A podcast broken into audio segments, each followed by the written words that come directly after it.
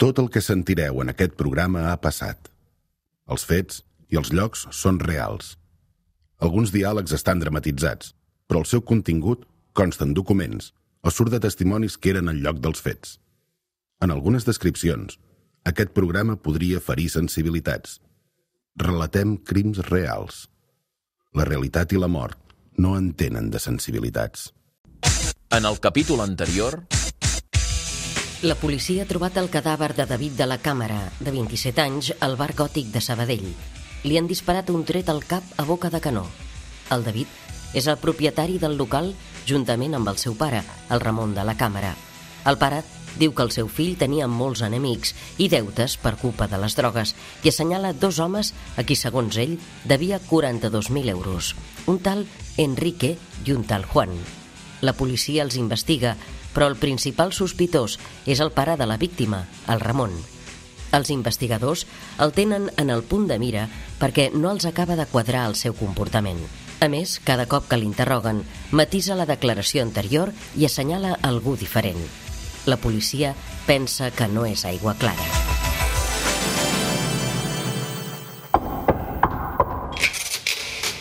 Hola a tothom, sóc Carles Porta. Gràcies per escoltar-nos. El cas del bar gòtic de la zona hermètica de Sabadell no està clar. Els investigadors sospiten que un pare ha matat el seu fill d'un tret al cap, però no tenen proves concloents i, a més, hi ha uns quants sospitosos més. Costa molt de creure que un pare mati el seu fill a sang freda, oi? Seria massa foscor. Doncs no ens precipitem a treure conclusions, que ja vindran soles. Abans de començar, una cosa. El final d'aquest capítol fa indignar molt. Intentarem posar llum a la foscor. Comencem. If you are the dealer, I'm out of the game. If you are the healer, means I'm broken and lame. If thine is the glory, then mine must be the shame. You want it darker. We kill the flame. Crims. Per què matem? Vilified, crucified in the human frame. A million candles burning for the help that never came. You want it darker.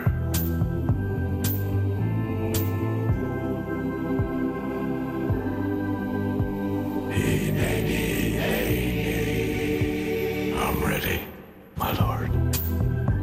El relat dels moments foscos de la nostra societat. Crims. Amb Carles Porta. Ha passat una setmana des que van matar el David de la Càmera, el 28 de maig del 2003, i totes les mirades estan posades en el Ramon, el pare de la víctima, però no hi ha cap prova concloent contra ell. De moment, tots són només sospites. Té una actitud massa freda, cada dia dona una versió diferent dels fets i sembla que tingués una relació molt estranya amb el fill. La Carmen, la mare de la víctima, que fa 19 anys va quedar molt afectada i encara està en tractament, dona a la policia molts detalls de la personalitat del Ramon. Lídia Oriols, explica'ns-ho, sisplau. La Carmen tenia 15 anys quan es va casar amb el Ramon, que en tenia 23, i de seguida hi va haver problemes. M'havia casat massa jove i estava convençuda de que, de que allò era, que no eren coses normals, no? Ramon sempre estava, el que era el meu marit, amb un amic seu que tenia la meva edat, 15 anys, 16 anys també, i sempre estava a casa, i sempre estava a casa. I aleshores vaig descobrir això que t'aixeques una nit que vas al lavabo, que el meu home no estava a la meva habitació, i vaig anar al lavabo i vaig passar per davant d'una habitació que estava a la porta entornada, no acabada de tancar, i els vaig sentir i me vaig quedar molt sobtada. En aquella època no se sabia res del tema homosexualitat i, i aquests temes. Per mi no solament és que fos una cosa com una novetat, sinó que no entenia el que passava, no, no ho entenia, no, no sabia què era. Estava tan desconcertada per l'actitud del marit que va anar a veure la seva mare per explicar-li allò que amb 15 anys no entenia, allò i una altra cosa. Per sensacions me vaig donar compte de que estava pensava que estava embarassada. Vaig anar a casa de ma mare i clar, no sabia explicar-li. Li vaig dir que ens barallàvem molt, que discutíem molt, que teníem molt de problemes y que por favor me ayudara. No quería tener ese hijo, creía que estaba embarazada y no podía tener ese hijo. Le vaig dir plorant, mamá, ayúdame, porque me quiero separar, no quiero estar casada y no quiero tener este hijo. La em va dir, ah, ¿te has casado? Pues te jodes. I va agafar el telèfon, va trucar a la feina, el Ramon era cuiner, i li va dir, mira Ramon, pásate por aquí, que está aquí tu mujer, que dice que se quiere separar de ti. Ah, por cierto, felicidades que vas a ser papá. La Carmen, una adolescent embarassada, no va poder triar. La seva mare se n'havia desentès i la noia va haver de continuar amb el seu marit homosexual. Era un embràs no desitjat i la Carmen va fer tot el que li van recomanar per perdre el nadó. No va servir de res. Jo estava al paritori, a la maternitat, i estava plorant demanant a Déu que, que naixés mort.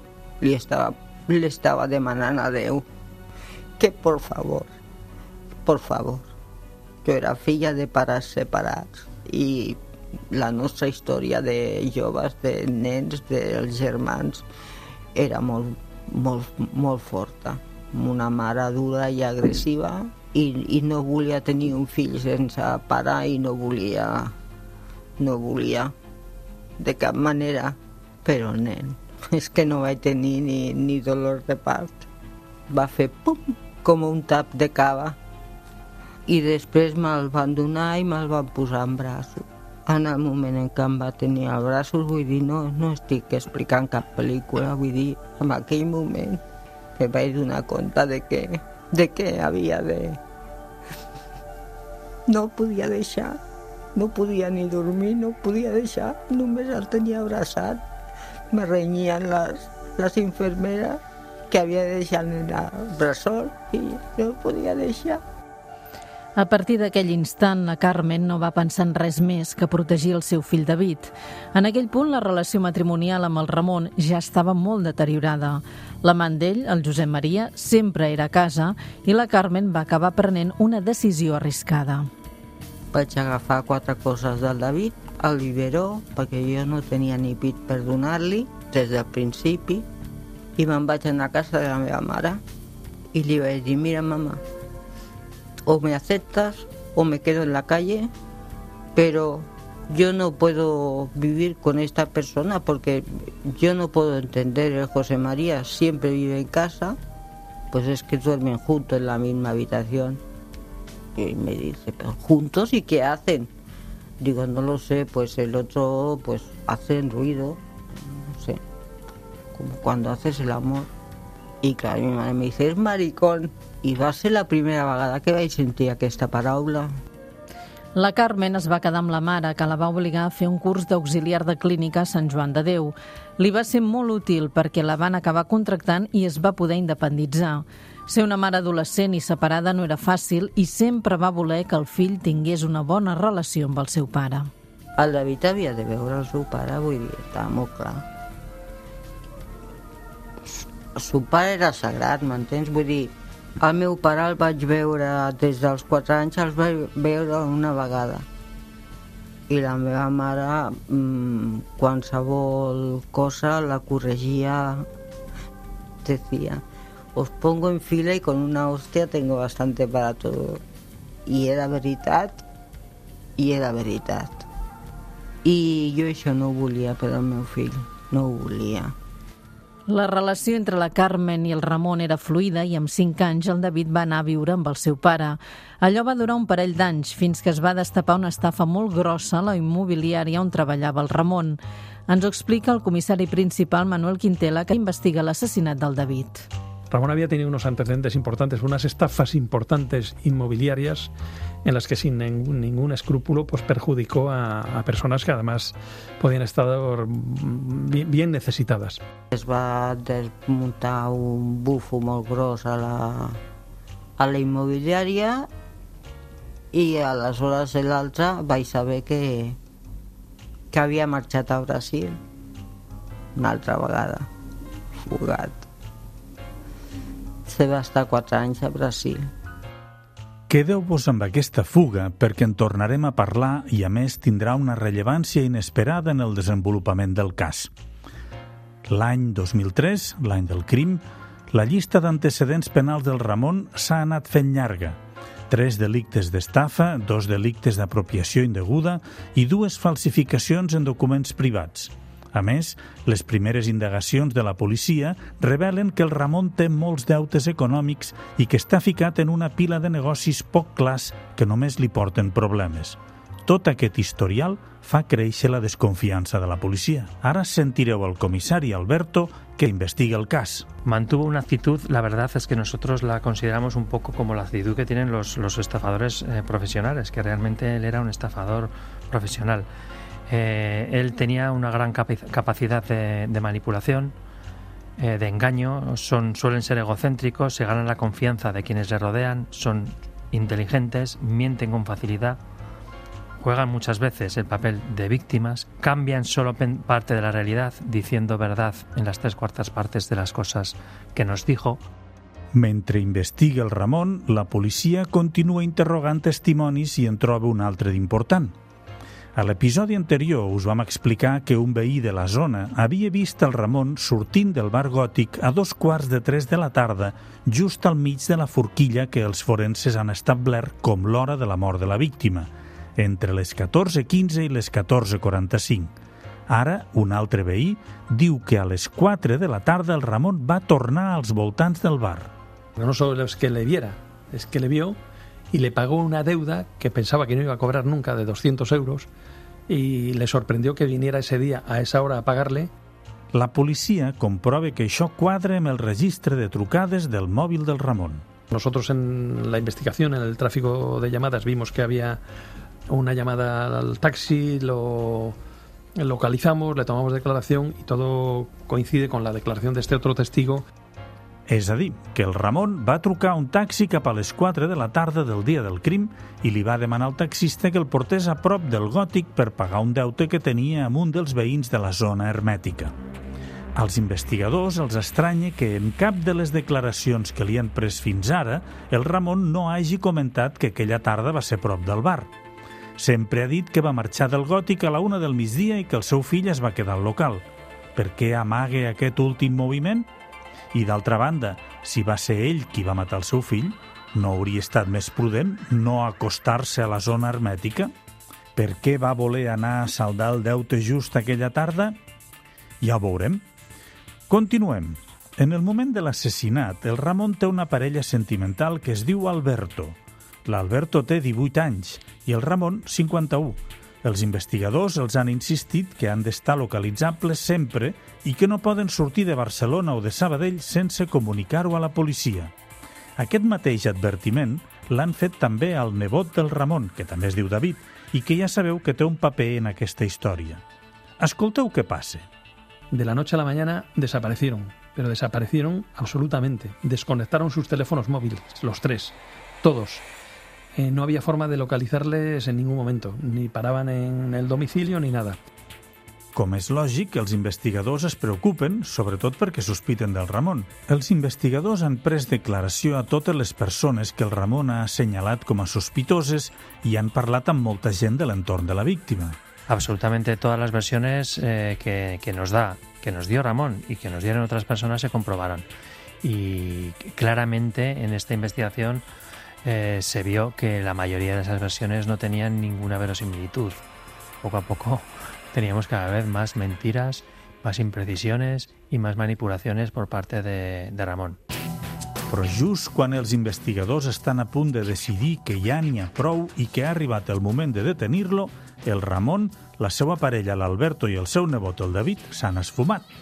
El fet que hagin desaparegut tots tres alhora com si s'haguessin posat d'acord els fa pensar que han fugit per eludir l'acció de la justícia. La policia mou cel i terra per saber on són i aconsegueixen una primera localització, Platja d'Aro, on se'ls ha vist de festa pels locals nocturns, però quan hi van no els troben per enlloc. Al segon intent tenen més sort i tot es precipita. La inspectora Trinitat Gómez també participa en la investigació.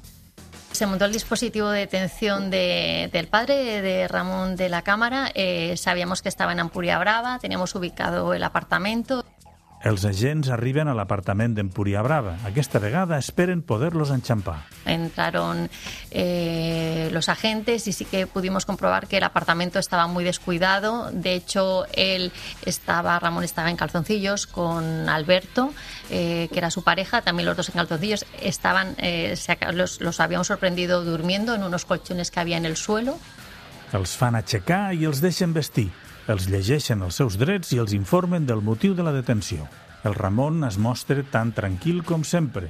Com que els han de traslladar a tots dos d'Empúria a Barcelona, els posen en diferents cotxes policials. La inspectora Gómez va al vehicle on porten el Ramon.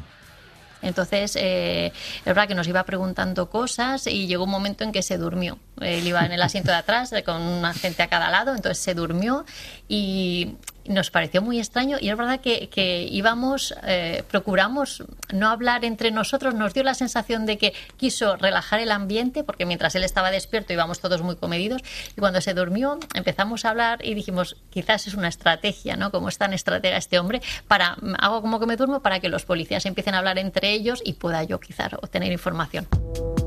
El David, el nebot, després d'estar amb el Ramon i l'Alberto a la platja d'Aro, havia tornat a casa. El detenen a Sabadell i encara hi haurà dues detencions més, dues persones que ja coneixem del capítol anterior. Dos personas, una de ellas de raza gitana y un, un amigo de, de él, un tal, un tal Juan, fueron detenidos porque desde nuestro punto de vista eran las personas que habían facilitado el arma de fuego a Ramón. Eran colaboradores necesarios realmente de, de esa muerte desde el punto de vista policial en esos momentos. Els investigadors assenyalen el Ramon, el pare de la víctima, com a autor i els altres detinguts com a col·laboradors, però encara ho han de demostrar. De moment, hi ha cinc detinguts suposadament implicats en el cas d'una manera o d'una altra i cap prova concloent. Els investigadors necessiten més elements per poder consolidar les seues sospites. Encara queda una cosa important a fer, escorcollar el pis del Ramon. Després de les detencions, es fa l'entrada i escorcoll al pis del Ramon amb ell al davant. Nos distribuimos las zonas a registrar y a mí se me asignó una zona de armarios a la entrada. Entonces, pues bueno, eh, estaba lleno de americanas, eh, de chaquetas y entonces, pues bueno, empecé de forma sistemática por un lateral a, a, a palpar todas las prendas y meter mano en el bolsillo. El Ramon observa com els agents regiren les seues coses. La inspectora fica la mà a la butxaca d'una de les americanes. Cuando ya llevaba unas 10 chaquetas, en una de ellas sí que noté un pequeño objeto duro en el bolsillo. Introduje la mano y sí que encontré pues una, una bala sin percutir. Es una bala tal cual compraría uno en una tienda, o sea, no había sido introducida en ningún arma ni había sido disparada. Cuando disparas un arma, pues te queda el casquillo, que es el soporte, y luego por otro lado la bala. En este caso, pues estaba completa, no había sido utilizada. La secretària judicial pren nota de la troballa. Nos miramos todos con una impresión de alegría porque no teníamos arma, pero sí que teníamos una bala que faltaba comprobar si, si era similar a la, que, a la que se había utilizado, pero bueno, era una gran, una gran, un gran hallazgo para todos. La policia ha trobat una bala dins d'una americana. Si fos igual que la que va matar el David, podrien tenir una prova per inculpar el pare de la víctima. Els investigadors es dirigeixen al Ramon i li pregunten a qui pertany la jaqueta perquè no en quedi cap dubte. Cuando lo encontramos, eh, nos dirigimos a, a, Ramón, le preguntamos ese armario, la ropa que había, a quién pertenecía, dijo que él, dijimos todas las chaquetas, sí, sí, alguna la utilizó otra persona, dijo no, no, todo es mío. La policia ensenya la bala al Ramon i en un primer moment ell abaixa la mirada, però de seguida té una explicació. Creo que dijo en ese momento, ah, sí, sí, ahora que la veo, la encontré allí, era la que se le cayó a uno de los gitanos cuando vino a amenazar. Y la vi en el suelo y me la guardé en el bolsillo y no me acordaba de que la tenía ahí. El Ramon es refereix a una de les declaracions que va fer assenyalant l'Enrique i el Juan. El Ramon havia dit a la policia que el seu fill tenia un deute de 42.000 euros per drogues amb l'Enrique i el Juan i que un dia se'ls havien presentat tots dos al bar gòtic amb actitud amenaçadora, que van treure la pistola i l'arma es va disparar accidentalment. En canvi, l'Enrique i el Juan van declarar que la pistola era del Ramon i que el tret se li havia escapat a ell provant-la. Després d'investigar, la policia té clar que el David, la víctima, no coneixia ni l'Enrique ni el Juan. Per tant, els comissaris consideren inversemblant que el David els degués 42.000 euros per drogues, tal com afirma el seu pare, el Ramon. Els investigadors estan convençuts que és una de les moltes mentides del Ramon i, a més, han descobert que qui sí tenia tractes amb l'Enrique i el Juan era ell, el pare. Tenían una participación común eh, de unas carpas que se montaban en San Quirse eh, en verano. Ahí tenían eh, esa relación, entre comillas, comercial. La relació comercial va encara més enllà de les carpes de Sant Quirze. Això serà molt important. Estaban en unos tratos de negocios, por una parte, del traspaso del local El Ramon estava negociant amb l'Enrique i el Juan el traspàs del gòtic.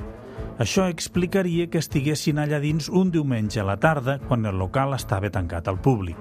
Si us recordeu, la víctima i una amiga seva, la Macarena, els van sorprendre dins del bar el diumenge 25 de maig del 2003, dos dies abans del crim. L'Enrique i el Juan no havien forçat la porta. Més endavant sabrem com hi van entrar. Tornem al resultat de l'escorcoll a casa del sospitós principal. La bala que la policia ha trobat en una de les americanes del Ramon ja el posa molt contra les cordes. Els pèrits de balística han confirmat que és del mateix calibre que la bala que va matar el David. I això apuntala la tesi dels investigadors, que el Ramon és l'autor material de la mort del seu propi fill. Però no saben com van anar els fets. Entre moltes de les coses per a les quals encara han de trobar explicació, hi ha el fet que el Ramon tornés a la zona del Gòtic a les 4 de la tarda per pagar un deute a un veí. ¿A qué va ese día a pagarlo a las 4 de la tarde? Si después encima de- Ramón no pagaba a nadie. Sí, sí. Pues va, entendemos que de alguna manera debe querer cubrirse de si alguien le... Oh, no, pero tú estabas por allí, sí, porque yo fui a Se pagar está a este. montando la coartada ya. Sí. Y, y- y probablemente en su imagen, en su darle vueltas a qué hace, pudo ponerle la silicona entonces o en otro momento de la tarde. ¿eh? Esperen treure'n l'entrellat de tot plegat amb els interrogatoris als cinc detinguts. El que té més interès per als investigadors és el nebot, l'altre David. És la persona que des del primer moment la policia ha vist al costat del Ramon. El sobrino en concreto, realmente, él cuando se vio detenido y vio que, que según él no tenía ninguna participación, pues entonces dijo que contó toda su la verdad. Él es el que nos derrota, digamos, en el argot policial. Que nos derrota vol dir que cante. Ara sentirem com el David admet que en un primer moment va mentir i que ho va fer perquè li va demanar al seu oncle Ramon. Us explicarem la seqüència dels fets a poc a poc, perquè és un cas enrevessat. I'm ready, my lord. Crims. Amb Carles Porta.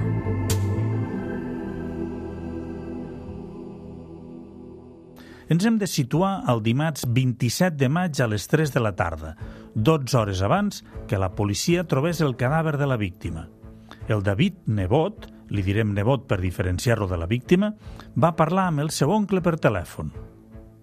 David dice que habló con él por teléfono sobre las 15 horas, que le notó, le notó algo raro en, en- en la conversación, durante su conversación.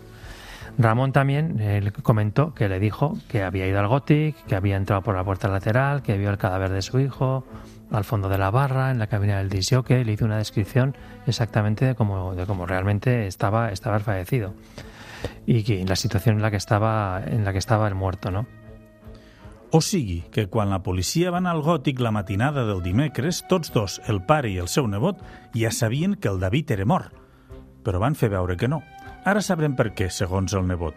En aquesta primera conversa telefònica entre el Ramon i el seu nebot, el noi va intentar convèncer l'oncle perquè truqués a la policia, però el Ramon s'hi va negar.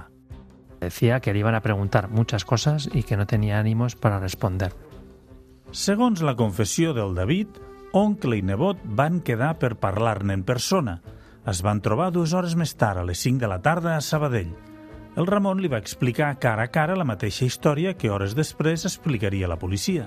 Ramón le dijo que entre las 20, eh, le dijo aproximadamente a él, le dijo entre las ve- eh, 8 de la tarde y 8 y media, le dijo que había recibido una llamada anónima en la que le indicaban que si quería ver a su hijo fuera al Gothic.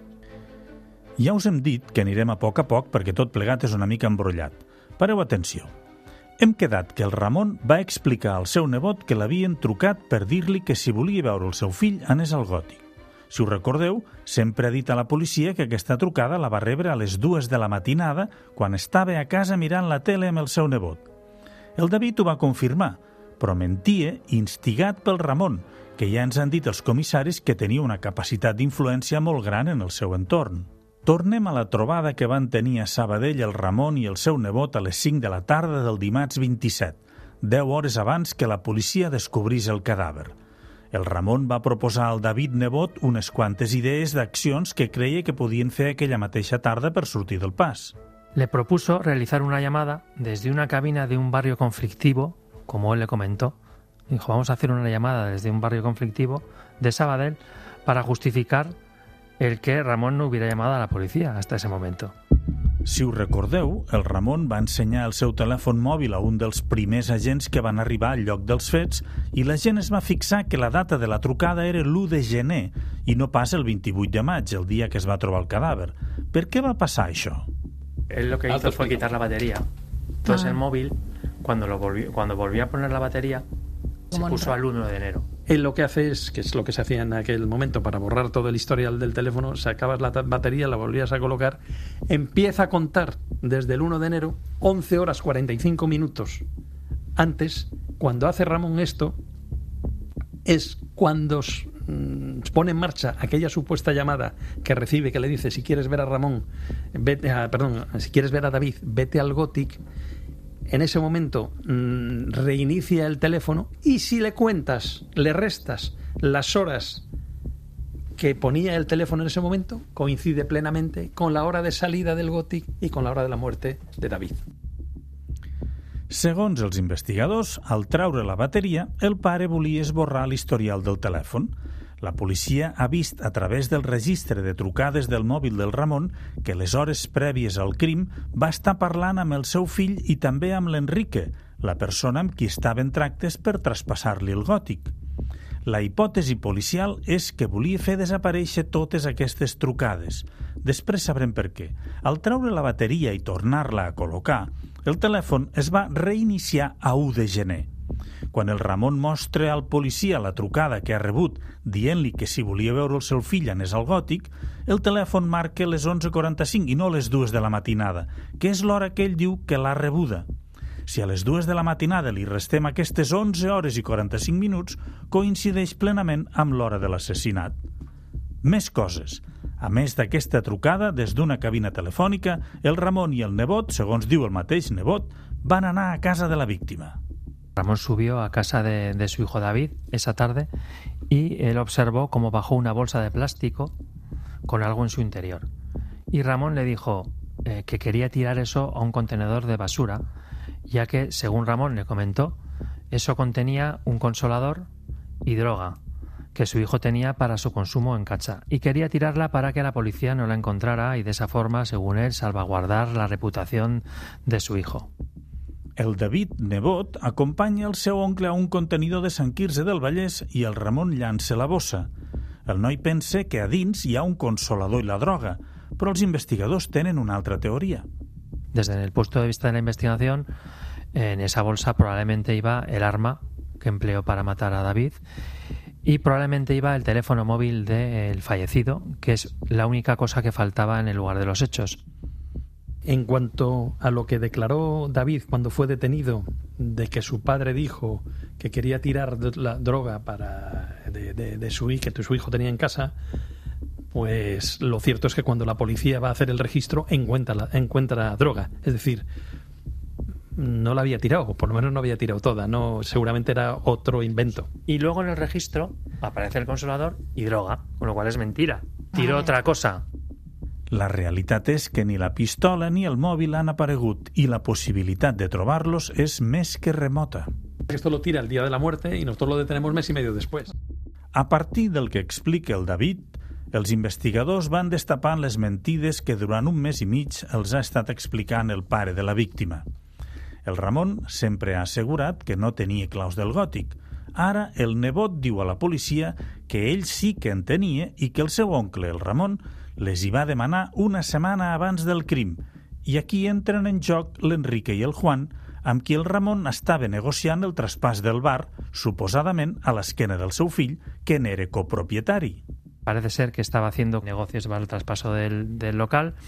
Incluso esas llaves eh, durante uno o dos días se las dejó a, una de las personas eh, que estaba interesada en eso. Ramón le advirtió que dijera textualmente, di a la policía que las has tenido tú en todo momento y que yo no las tenía. Al capítol anterior vam explicar que el Ramon havia comprat un telèfon mòbil al Corte Inglés però que ho havia amagat a la policia. Els investigadors ho sabien perquè des del minut 1 havien posat un rabo al sospitós, que ja sabem que en argot policial vol dir que el seguien a tot arreu sense que ell ho sabés. Le advirtió a su sobrino David que no lo diera a la policía ni a ningún conocido y que no utilizara mucho el teléfono móvil para que no les localizaran. En las intervenciones telefónicas Ramón era muy cuidadoso Tenem- hay que tener en cuenta que tenía antecedentes, que se había movido mucho en, en el mundo de la delincuencia, sabía muy bien los medios de investigación de la policía y era muy cuidadoso. Por eso quiso ocultar ese teléfono nuevo que se compró en todo momento, lo quiso ocultar. Por eso le dio instrucciones a Alberto y a David, su sobrino, de que apagaran los teléfonos cuando desaparecieron, porque él era muy cuidadoso y precavido. Amb la declaració del David, la policia té clar que el Ramon va matar el seu propi fill. Ara falta saber el per què. Els investigadors han interrogat moltes persones de l'entorn de la víctima i el seu pare, i unes quantes coincideixen a dir que els últims dies la relació entre ells s'havia enrarit. El David s'havia discutit amb el Ramon en més d'una ocasió i també estava barallat amb el seu cosí, el que també es diu David, i amb l'Alberto, la parella del Ramon. El motiu de la discòrdia era el bar gòtic. Por otro lado, David quería cambiar de vida, parece ser, y sobre todo, eh, Ramón, mm, el padre, el autor, eh, estaba en una situación económica muy comprometida, había adquirido unos compromisos de traspaso del local a los que su hijo se oponía y era uno, de los propietarios. Creemos que en el momento del crimen eh, David mostró su disconformidad con ese traspaso. Esto al padre le constituía un grave problema porque tenía eh, personas que le estaban apremiando y presionando y posiblemente esa situación o ese eh, conjunto de situaciones sobre todo la negativa de su hijo al traspaso fue lo que motivó eh, que le ponía en una situación económica muy muy comprometida que ya estaba o mucho más comprometida lo que fue el detonante de- del asesinato. La hipòtesi policial és que el 27 de maig al matí el Ramon va rebre moltes trucades de l'Enrique demanant-li tancar el tracte del gòtic. El Ramon va parlar també amb el seu fill que s'hi negava. L'home s'hauria sentit pressionat i va acabar matant el fill. Per això el Ramon va voler esborrar l'historial de trucades perquè no hi hagués cap indici que el pogués relacionar amb el crim. Va treure la bateria del mòbil just després de matar el David. El comissari principal, Quintela, ha investigat molts assassinats i assegura que no n'ha vist mai cap que s'hagi comès amb tanta perversió i fredor. solamente la mente de, de Ramón podrá eh, saber bien eh, el qué y el por qué, porque eh, fin, matar a un hijo es algo antinatural y hacerlo como lo hizo Ramón, pues, pues mm, mucho peor. Pues de una manera premeditada, porque el arma ya hacía días que la estaba buscando antes de, de los hechos y sobre todo en la forma que lo hizo. Es decir, aprovechándose de que su hijo estaba desmontando unos equipos de música porque no estaba de acuerdo con ese traspaso, aprovechando su descuido, su inferioridad y dándole y pegándole un tiro pues en la nuca que es eh, en fin es una ejecución eh, tremenda no sin tener ninguna opción de defensa y, bueno es que es aberrante todo ¿eh? la personalidad de Ramón en esto pues pues yo creo que tiene una gran influencia en qué cómo y por qué se puede llegar a cometer un hecho de esta naturaleza Un mes i mig després del crim, la policia posa a disposició judicial Ramon de la Càmera i els altres quatre detinguts. El jutge decideix que només el Ramon ingressi a presó com a responsable directe de la mort del seu fill, David de la Càmera. La Carmen és a casa quan s'assabenta de la detenció del Ramon. em va trucar la meva germana, que la meva germana tot d'una posa la ràdio quan s'aixeca i aleshores em va trucar i va dir que han detenido al Ramon pues, me vaig posar a cridar com una loca bueno, de tot tantos años protegiéndote, cabrón, tantos años y lo has matado tú. Y ya tenia la plena certesa. Quan és conscient del que ha fet el Ramon, la Carmen comença a veure amb uns altres ulls moltes de les coses que havia fet o dit el pare del seu fill. Fins i tot records anteriors a la mort del David els veu ara de cop sota una llum diferent. Me va mostrar un sobre d'aquests com de correus no blanc gran d'aquests A3 o A4, no sé quants són, quins són més grans i d'aquests de color carbassa de, del clàssic de correus, no? Doblegat i va treure una pistola y me la va a mostrar y yo le iba a decir, pero ¿qué haces con esta pistola? Ramón, ¿qué haces con esto? Uy, es que tengo muchos enemigos. Y le digo, Ramón, ¿qué haces con una pistola, por Dios? Dos mesos abans de matar-lo, o tres mesos abans de matar-lo. I de cop i volta a la Carmen li ve al cap una frase que li havia dit el seu exmarit feia molts anys quan va tornar del Brasil, on havia fugit per l'estafa immobiliària. Quan havia marxat, tenia un local amb un mercat d'Hospitalet, un bar, que com mai no posava les coses al seu nom, les tenia posades a nom d'aquest Josep Maria, amic seu. Quan van tornar de Brasil, el José María, que ja tenia parella i tal, doncs se va quedar amb el local perquè estava al seu nom. I aleshores vaig tenir una conversa al Ramon i va dir me ha hecho esto eh, José María y dice y esto no voy a consentir que me lo haga nadie, nunca nadie más. Quien alguien se quede con mi negocio, yo lo mato. Sembla que el cas està encarat, no? Doncs prepareu-vos perquè comença una altra pel·lícula. You want it darker. Crims. El relat dels moments foscos de la nostra societat. Nady, hey, Nady. I'm ready, my lord. Amb Carles Porta.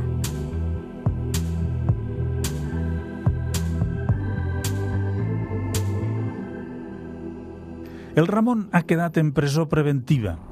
Aquesta és una mesura que es decideix quan es vol evitar que el detingut fugi, reincideixi o intenti alterar o destruir proves. En el cas del Ramon, ja hi ha una fuga prèvia i, per tant, el jutge considera que hi ha motius per enviar-lo a la presó. La durada màxima de la presó preventiva és de dos anys en delictes greus. Passat aquest temps, el jutge ha de decidir si prorroga la mesura dos anys més o deixa el detingut en llibertat. Ara sentirem l'advocat de la Carmen, la mare de la víctima, que va exercir l'acusació particular. Sentim el lletrat Pablo Jorquera explicant què va passar l'octubre del 2005 quan el Ramon de la Càmera ja feia dos anys que estava a la presó preventiva i el jutge havia de decidir si prorrogava o no aquesta mesura. L'advocat de defensa d'en Ramon de la Càmera doncs, fa un escrit molt brillant i doncs, eh, hi ha una errada important judicial que es deixa en llibertat per una persona que primer té risc de fuga perquè havia marxat ja a Brasil en aquella època abans de, dels aconteixements i a més a més tenia tres delictes d'estafa Ja ho hem sentit, el jutge decideix deixar en llibertat i no prorrogar la presó preventiva del Ramon. El lletrat ha parlat d'error judicial i d'un escrit brillant de l'advocat de Ramon de la Càmera, Javier Rodríguez Álvarez. En aquest escrit, Rodríguez Álvarez demana la llibertat del seu client alegant que no és cert que hagués estat en rebel·lia el 1992, tal com es deia. I va estar, efectivament, però no va ser el 92, o sigui que l'error és un detall de forma i no una qüestió de fons. Escoltem l'advocat Jorquera. evidentment la magistrada es va veure en l'obligació de, veient una errada tècnica, dictar segons el seu criteri tècnic. Però penso que de, fons, de fons potser no. I aquí es va, on està l'errada o la confusió i on va estar el, brillant de qualsevol company lletrat que es dediqui al, als temes penals criminals i que busqui doncs, aquests mm, recovecos o aquests eh, que, que puguis trobar doncs, una errada tècnica perquè el magistrat o el jutge es vegi obligat una mica doncs, a frenar aquesta decisió, variar-la. Ramon de la Càmera surt en llibertat amb l'obligació de presentar-se al jutjat dos cops al mes. A finals del juny del 2007, quan ja fa un any i vuit mesos que està en llibertat a l'espera de judici, l'advocat Javier Rodríguez Álvarez adverteix que el seu client està il·localitzable. Dos mesos després, al setembre del 2007, l'Audiència de Barcelona ordena als Mossos d'Esquadra, la Guàrdia Civil i la Policia Nacional que el busquin – els tres cossos policials no el localitzen ni al seu pis de Sabadell ni al de Barcelona, on alguns familiars asseguren que va anar a viure quan va sortir de la presó. 15 anys després encara no l'han trobat. La Carmen és eh, la meva clienta de més llarga durada, quasi 19 anys. Això no és, no és habitual per un advocat. Normalment eh, tenim clients i els clients tenen un temps de, de vida. Amb Ramon de la Càmera desaparegut, el cas es desmonte. Evidentment, amb un jurat només hi ha un autor dels fets i es va desimputar tota la causa d'aquells cinc eh, coimputats o coinvestigats en aquella època. El Ramon està fugat i ningú anirà a judici, ni el nebot, ni el nòvio, ni l'Enrique i el Juan, que estaven en tractes amb el Ramon pel traspàs del gòtic. Estaban metidos con el tema del arma, pasaron el arma. Lo que pasa que, claro, el problema de aquí es que ellos no están imputados ni nada. Porque la, el arma no apareció. Desde el punto de vista penal, seguramente eh, la, la, la, responsabilidad que tienen penal sería eh, de, de, un delito de tráfico de armas. Si supieran de alguna manera que ese arma Entonces, sí. podía ser utilizada para matarle, pues Entonces, serían sí. unos colaboradores necesarios, Necesarios. cómplices Sí, en el autores asesinato. eran- sí, sí. El Albertito tampoco estaba involucrado en principio en el Eh, crimen, eh, pero estos- son encubridores. L'advocat no llança la tovallola i demana a la sala del Tribunal del Jurat que dicti una ordre de recerca i captura a nivell internacional contra Ramon de la Càmera. Aquí es va notar que el perseguit no era independentista. Això va trigar molt i això la Carmen no és que no ho perdoni, però no, no ho oblida, això, perquè vam estar potser quasi un any o de vuit mesos fàcilment demanant aquesta transformació d'aquest auto de recerca i captura nacional a internacional. I a més a més, en, evidentment, el coneixement de que aquest senyor ja havia viscut o havia marxat al Brasil. Això ens va costar molt. Això és un, un indici de que tenim una administració de justícia molt lenta, molt... Eh, que després, bueno, sí, eh, el nostre il·lustre magistrat es va disculpar, però és que van tenir que anar personalment, jo recordaré un dia sempre, que és eh, jo parlant amb el magistrat i la Carmen Blanco al carrer amb una perxa amb el traje del seu fill i una pancarta demanant al magistrat que ens dictés aquest ordre de recerca i captura internacional. L'advocat de la Carmen, el Pablo Jorquera, explica que els 19 anys que han passat des del crim han estat una contínua cursa d'obstacles. Les nostres reunions amb Ministeri de Justícia ens han estat infructuoses, han estat molt aïllades, les nostres queixes tant a l'audiència com al Consejo, eh, Consejo General del Poder Judicial a Madrid. L'única resposta que vam rebre va ser que era un cas normal, de dilacions normals, i estem parlant d'un cas d'assassinat, eh? vull dir que és un tema que és greu, això. He demanat ajuts per la Carmen. La Carmen no ha rebut cap ajut per familiars o víctimes de crims de sang. Això és molt trist, també. I l'excusa va ser per Hisenda que ella tenia un problema, que havia estat avalant el seu exmarit i tenia un aval bancari i això li impedia doncs, tenir eh, accés a ajuts. No ha tingut mai cap ajut. La necessitat de justícia fa que l'advocat no deixi de presentar escrits en nom de la Carmen Blanco per obtenir alguna informació. El 6 de novembre del 2020, el magistrat José María Salit dictava aquesta resolució. Visto el estado de la causa y los escritos presentados, se informa la acusación particular de que la orden de busca y captura del acusado, Ramón de la Cámara Guisado, permanece activa. En caso de que la solicitante conozca cualquier información nueva sobre el paradero del acusado que pueda conducir a dar impulso a la investigación, comunícala a este tribunal. Bueno, ahora se encuentra en busca y captura desde entonces, en, paradero, desconocido. Evidentemente la, las gestiones no, no, han terminado a lo largo de estos años, pero a fecha de hoy se encuentra en paradero desconocido. Si no el troben i el detenen, no es pot obrir judici. A simple vista no es mou res. Amb el pas dels anys i pensant que el cas podia prescriure, la Carmen té un sentiment d'abandonament. A hores d'ara, la relació entre ella i el lletrat va més enllà de la que hi pot haver entre client i advocat. El Pablo acompanya la Carmen i fa totes aquestes gestions de forma altruista. Ja coneixem que la justícia és imperfecta, que hi ha molts problemes, no hauria de ser tant amb aquest tipus de casos tan punyents i però bueno, és, és el que tenim tenim una justícia molt poc comunicativa i molt poc col·laboradora. Per què? Bueno, perquè som un número, perquè és un procediment més, no és l'únic procediment, entenc que ja aquestes sales tenen molta feina, però algú s'ha de fer perquè això no sigui un cúmul de despropòsits i de que això acabi sent una, una mancança greu de, de tutela judicial efectiva, que és el més greu en aquest cas, en temes criminals, no? Que estem parlant de vides de persones. Estic parlant de justícia. Estic parlant de molt d'anys de patir que encara que estigués a la presó jo seguiria patint perquè a mi tinc la manca del meu fill. La meva filla ha patit la meva depressió i la meva filla ha tingut la manca del seu germà. I el culpable, el responsable, el responsable és el jutjat. I això és d'humanitat, no és una qüestió personal, és una qüestió d'humanitat. Quan un jutge porta un cas, ho ha d'acabar, ho ha d'acabar i no pot marxar del puesto fins que no ho acabi. El problema es que el juez que llevaba el caso se marchó al poco tiempo y desde el 2003 hasta ahora habrán pasado por ese juzgado, eh, eh, por el juzgado instructor, numerosos jueces. Lo que pasa es que este tema ya no está en el juzgado. Se terminó la instrucción, estará en el tribunal del jurado pendiente de celebrar juicio si un día aparece esta persona. La Carmen porta 19 anys esperant una resposta judicial a l'assassinat del seu fill. 19 anys amb depressió. De mica en mica s'ha anat aïllant del món. Des de 2019 no surto de casa. Des del febrer de 2019.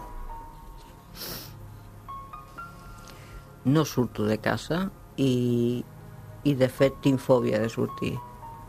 Amb l'Albert he quedat, m'ha creat aquesta fòbia no per el tema de la quarantena. Què és el que et descansaria, Carmen? I aquesta persona de 71 anys, quasi 72, anés a la presó. Això. Que es fes justícia almenys per la meva filla, que ha patit tant per culpa meva, per la meva causa que ha vist com sa mare ha intentat suïcidar-se.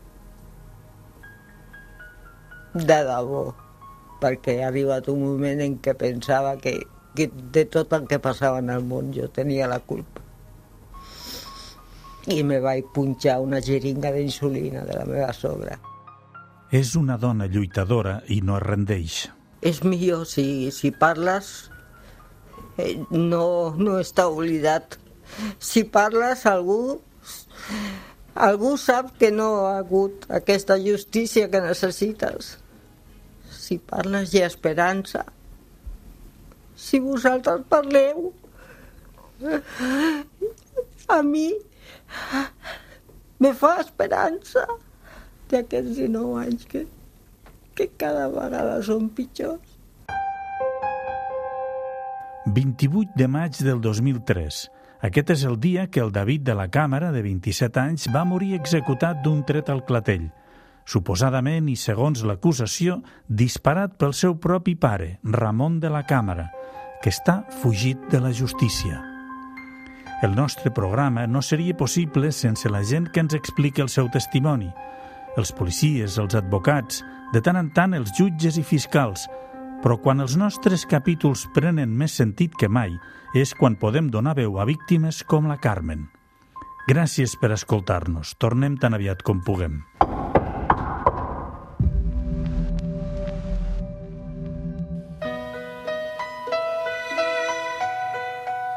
Crims. Guió i coordinació, Lídia Oriols. Revisió de guions, Imma Falcó. Producció, Núria Ventura. Muntador musical, Sergi Cotillas. Direcció artística, Dolors Martínez. Direcció, guió i presentació, Carles Porta. Amb les veus de Catalunya Ràdio.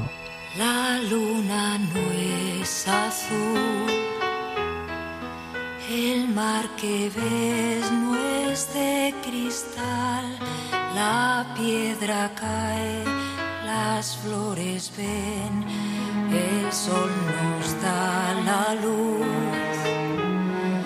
Las mariposas no saben morder,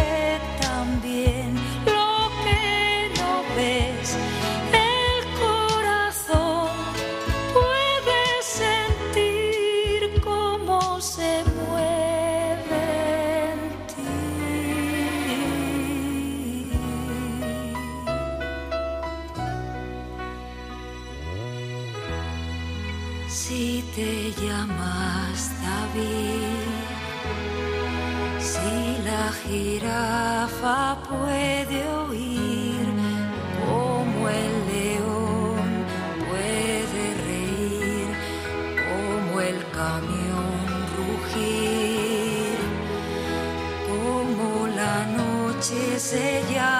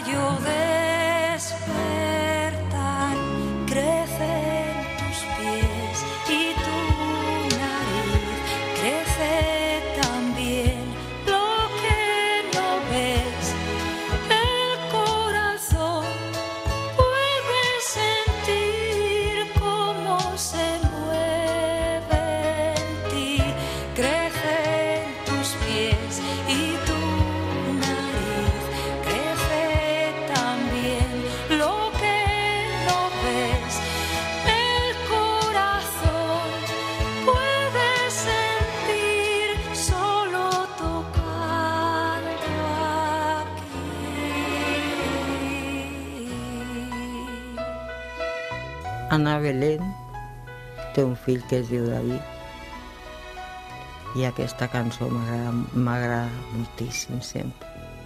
Li vaig cantar ja. Canción para David.